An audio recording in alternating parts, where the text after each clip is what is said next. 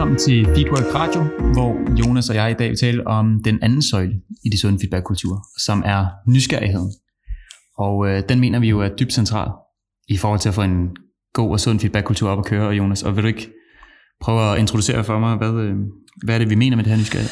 Jamen nysgerrighed, det er sådan lidt en tosidig ting, fordi det er jo dels nysgerrigheden på viden, information, faglighed. Det er jo en super vigtig del af det at gå på arbejde og løse en opgave, det er klart. Men det vi er, kigger rigtig meget efter os, det er den her nysgerrigheden på andre mennesker.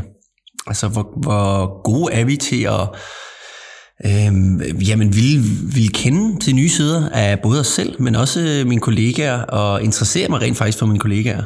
Øh, arbejder jeg på øh, at lære mine kollegaer bedre at kende, øh, finde ud af deres styrker, deres svagheder.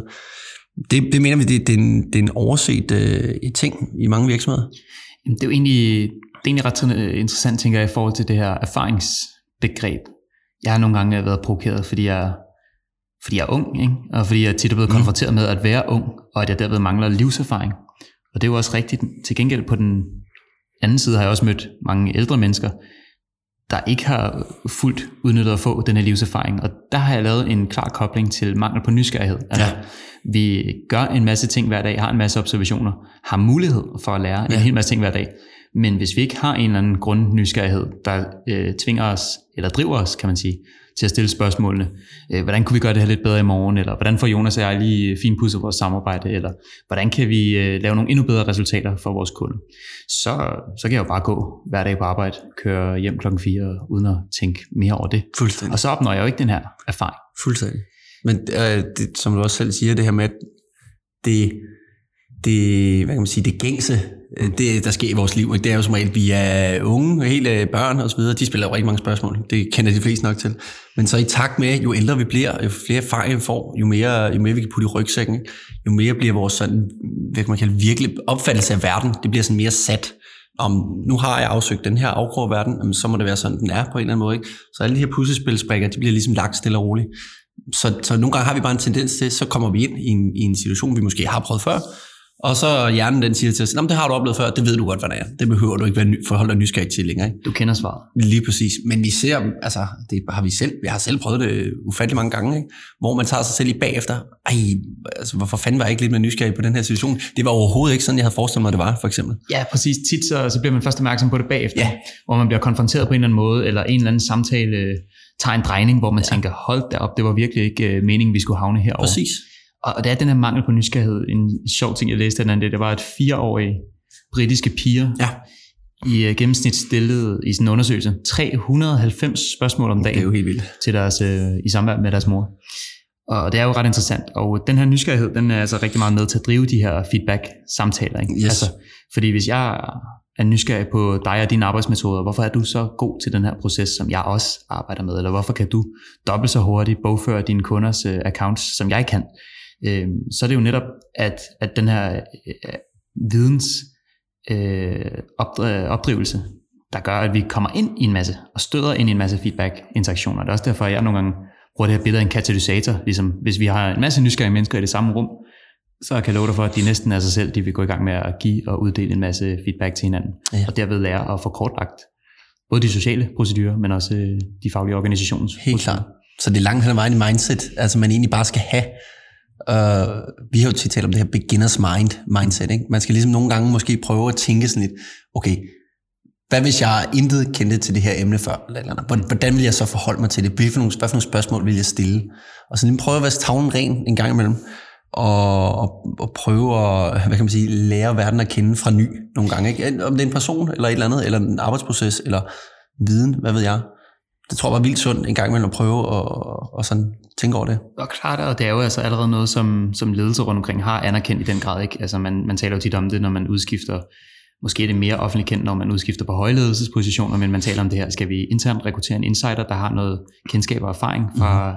fra organisationen, eller skal vi tage en outsider, der kan bringe nogle, nogle nye perspektiver. Ikke? Ja. Kommer lidt an på, hvad der er behov for.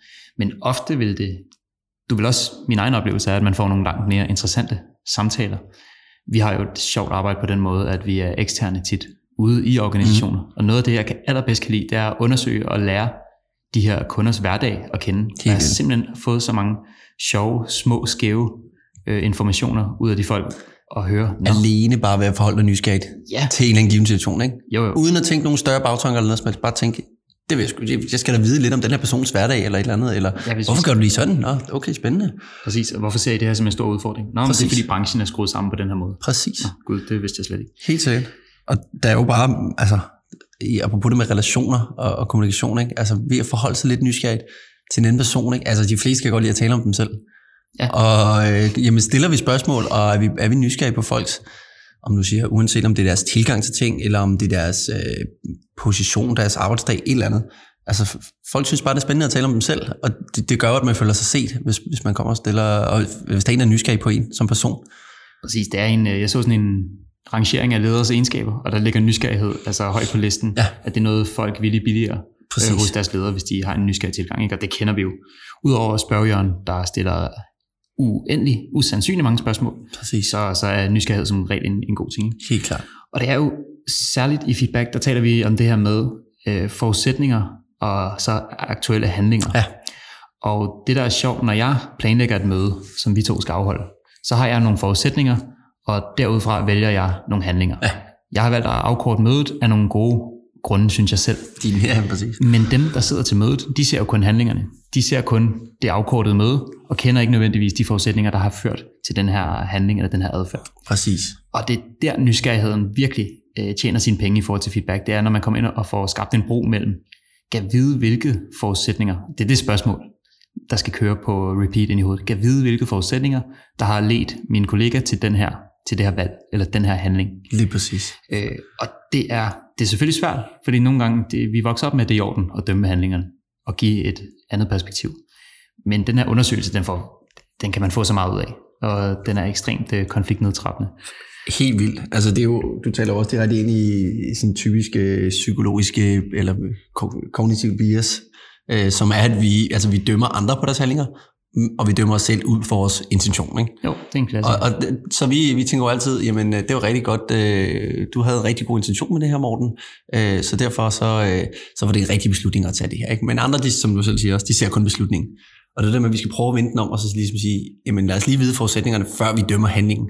Så nogle gange før, at jeg kommer med min mavesughed over et eller andet, Morten, det var da også, øh, hvad fanden tænker du på? Hvorfor ligger du mødet på det her tidspunkt? Du ved jo, jeg har en kunde eller et eller andet andet. Ikke? Altså, du har måske allerede tænkt tanken, så i stedet for, at jeg kommer og, og giver dig en eller anden øh, adfærdskorrigerende feedback, så kunne jeg måske stille spørgsmål til at starte med, for, for at prøve at forstå, hvad du havde tænkt, og netop hvad dine intentioner var i den her handling. Og der er, det, der er det fedt, hvis man væbner sig selv med sådan nogle uladede spørgsmål. Øh, Jeg kunne godt tænke mig at høre, hvad var tankerne bag at, Ja. at lægge mødet på det her tidspunkt? Ja, præcis. Havde du, hvad var dine overvejelser omkring at bruge det her software til den her type projekt? Præcis. Øh, Fordi så er det nemlig, at man ofte får nogle rigtig fornuftige forklaringer ud af folk, Præcis. og, øh, og derved undgår man den her nødvendighed for at give de her, øh, som folk tit synes er nederen, feedback-samtaler, hvor man skal korrigere hinanden eller rette fejl hos hinanden.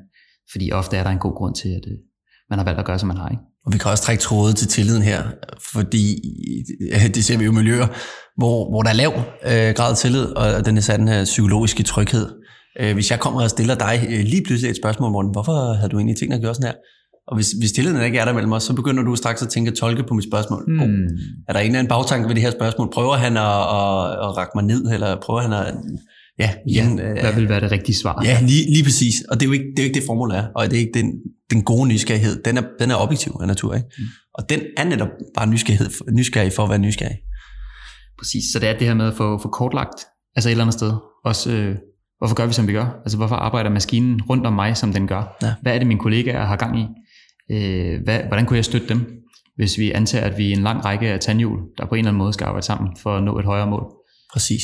Så øh, synes jeg, altså det er mit klare syn, at vi alle sammen har en forpligtelse til, i, til en øh, nødvendig grad, at Helt undersøge, Klart. Helt klart. hvad er det for nogle, nogle andre tandhjul, vi er indgreb med? Hvad er det for Præcis. nogle andre mennesker, vi er afhængige af? Præcis. Og også hvorfor, der ligger også en anerkendelse i det, ikke?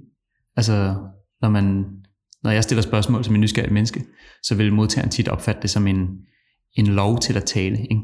Altså, det er en anerkendelse, fordi jeg har bedt om din holdning til det her spørgsmål. Så øh, det er en, det er en ret øh, smuk mekanisme på den måde. Hvordan, prøver du, hvordan, øh, hvordan arbejder du selv med din egen nysgerrighed, Morten? Jeg har Nu sådan er jeg nysgerrig på dig. Ja, det er et smukt eksempel på det, kan man sige, Jonas. Øhm, og det, jeg har nogle fikspunkter i mit eget arbejde, hvor jeg ved, at hvis jeg bringer nysgerrighed ind, altså det lyder lidt dumt, sådan nysgerrighed på recept, men hvis jeg bringer nysgerrighed ind i, for eksempel når jeg skal lave en uddannelsesdag eller en workshop, så hvis jeg bare tager de første ting, der kommer op i mit hoved og sætter dem sammen i et uddannelsesforløb, så synes jeg som regel, at jeg ender med et dårligere produkt, end hvis jeg lægger en masse ting frem på bordet og tænker, hvad kunne være spændende? Nu har kunden fortalt mig sådan her, sådan her om deres situation, og jeg vil gerne nå til det her, det her mål. Og der synes jeg, at en nysgerrig proces i det laver klart bedre uddannelse, så jeg har lagt ind i min egen forberedelse. Jeg skal ikke bare tage den første og bedste idé. Jeg skal lægge idéerne ud, uden ja. at øh, evaluere dem for meget, og så skal ja. jeg gå ind i en nysgerrig proces. Ja. Øh, så, så der er det sådan sat på form, også for at jeg husker det. Mm. Fordi der er jo nogen, der siger, at det kræver, jeg, jeg kan godt mærke, at jeg, jeg er god til at være nysgerrig, når jeg har overskud. Øh, og der må man nogle gange lægge det ind for sig selv. Ja. Her skal jeg huske at indføre ja. nysgerrighed, ellers så ender jeg med et dårligere produkt. Mm, præcis. Og det handler jo langt hen ad vejen om at kende sig selv, lære sig selv lidt at kende, ikke? og netop, altså, det vil vi ikke komme ind på mere her, men, men netop mange af de her kognitive biaser, vi, vi alle sammen ligger under, fordi og der er ikke nogen, der 100% kan være nysgerrighed øh, altid, og vi dømmer folk, det gør vi, det er sådan, at vores hjerne lavet. Men netop hvis man ikke er bevidst om de her fælder, ens hjerne kan ligge for en selv, ikke? Så, så er det også bare svært at arbejde med Så netop start med, hvad jeg hører dig sige, start med at være nysgerrig på dig selv langt hen ad vejen. Lige præcis. Altså det, det er den bedste øvelse, det er mest ufarligt, ja. kan man sige. Så behøver jeg ikke involvere andre personer. Præcis. Men at øve mig at stille spørgsmål til min egen praksis. Ja. Øh, sådan tit i en efterreflektion, ja. bruger jeg det. Men, øh, men som du siger, ja, det her med at undgå et confirmation bias, ja. altså undgå en situation, hvor at jeg bare sidder og omgås med de holdninger, der bakker op om min egen, og derved glemmer at tage de, måske alle de relevante øh, synspunkter med i min beslutningstagning. En, en måde, jeg får at tale ind i det, du taler, jeg kan godt, jeg, jeg gør det måske lidt på samme måde, men jeg kan godt lide at stille mig spørgsmålet, hvordan ved jeg, jeg har ret? Altså, ja.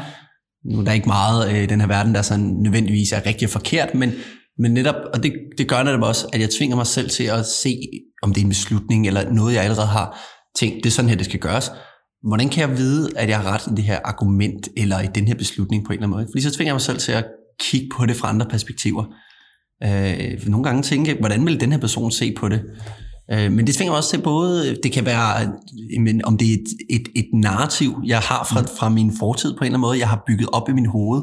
Hvordan kan jeg være sikker på, at den her pladespiller, der bliver med at køre, at, at det egentlig er rigtigt, øh, det her går og bliver mig selv ind, og så netop tvinge mig selv til at undersøge det. Lige præcis. Altså, jeg har nogle gange lavet nogle koblinger til de der altså, videnskabspraksis. At alt øh, videnskab, det må kunne, det kunne forsøges falsificeret. Ja. Altså, det prøver jeg også nogle gange, hvis jeg har en, en idé, hvor jeg kan mærke, at jeg bliver trigget. Det føles rigtig helt ned i maven, og det står soleklart skåret for mig. Så prøver jeg at sige, hvordan vil andre øh, kunne falsificere min idé. Lige præcis. Og det er en form for, for nysgerrighed, og bringe sig selv i et andet perspektiv. Det var det for nysgerrighed for den her omgang, ja. men jeg er helt sikker på, at i fremtidige episoder, der kommer meget mere øh, om netop nysgerrighed. Yes. Tak for det. Tak for det.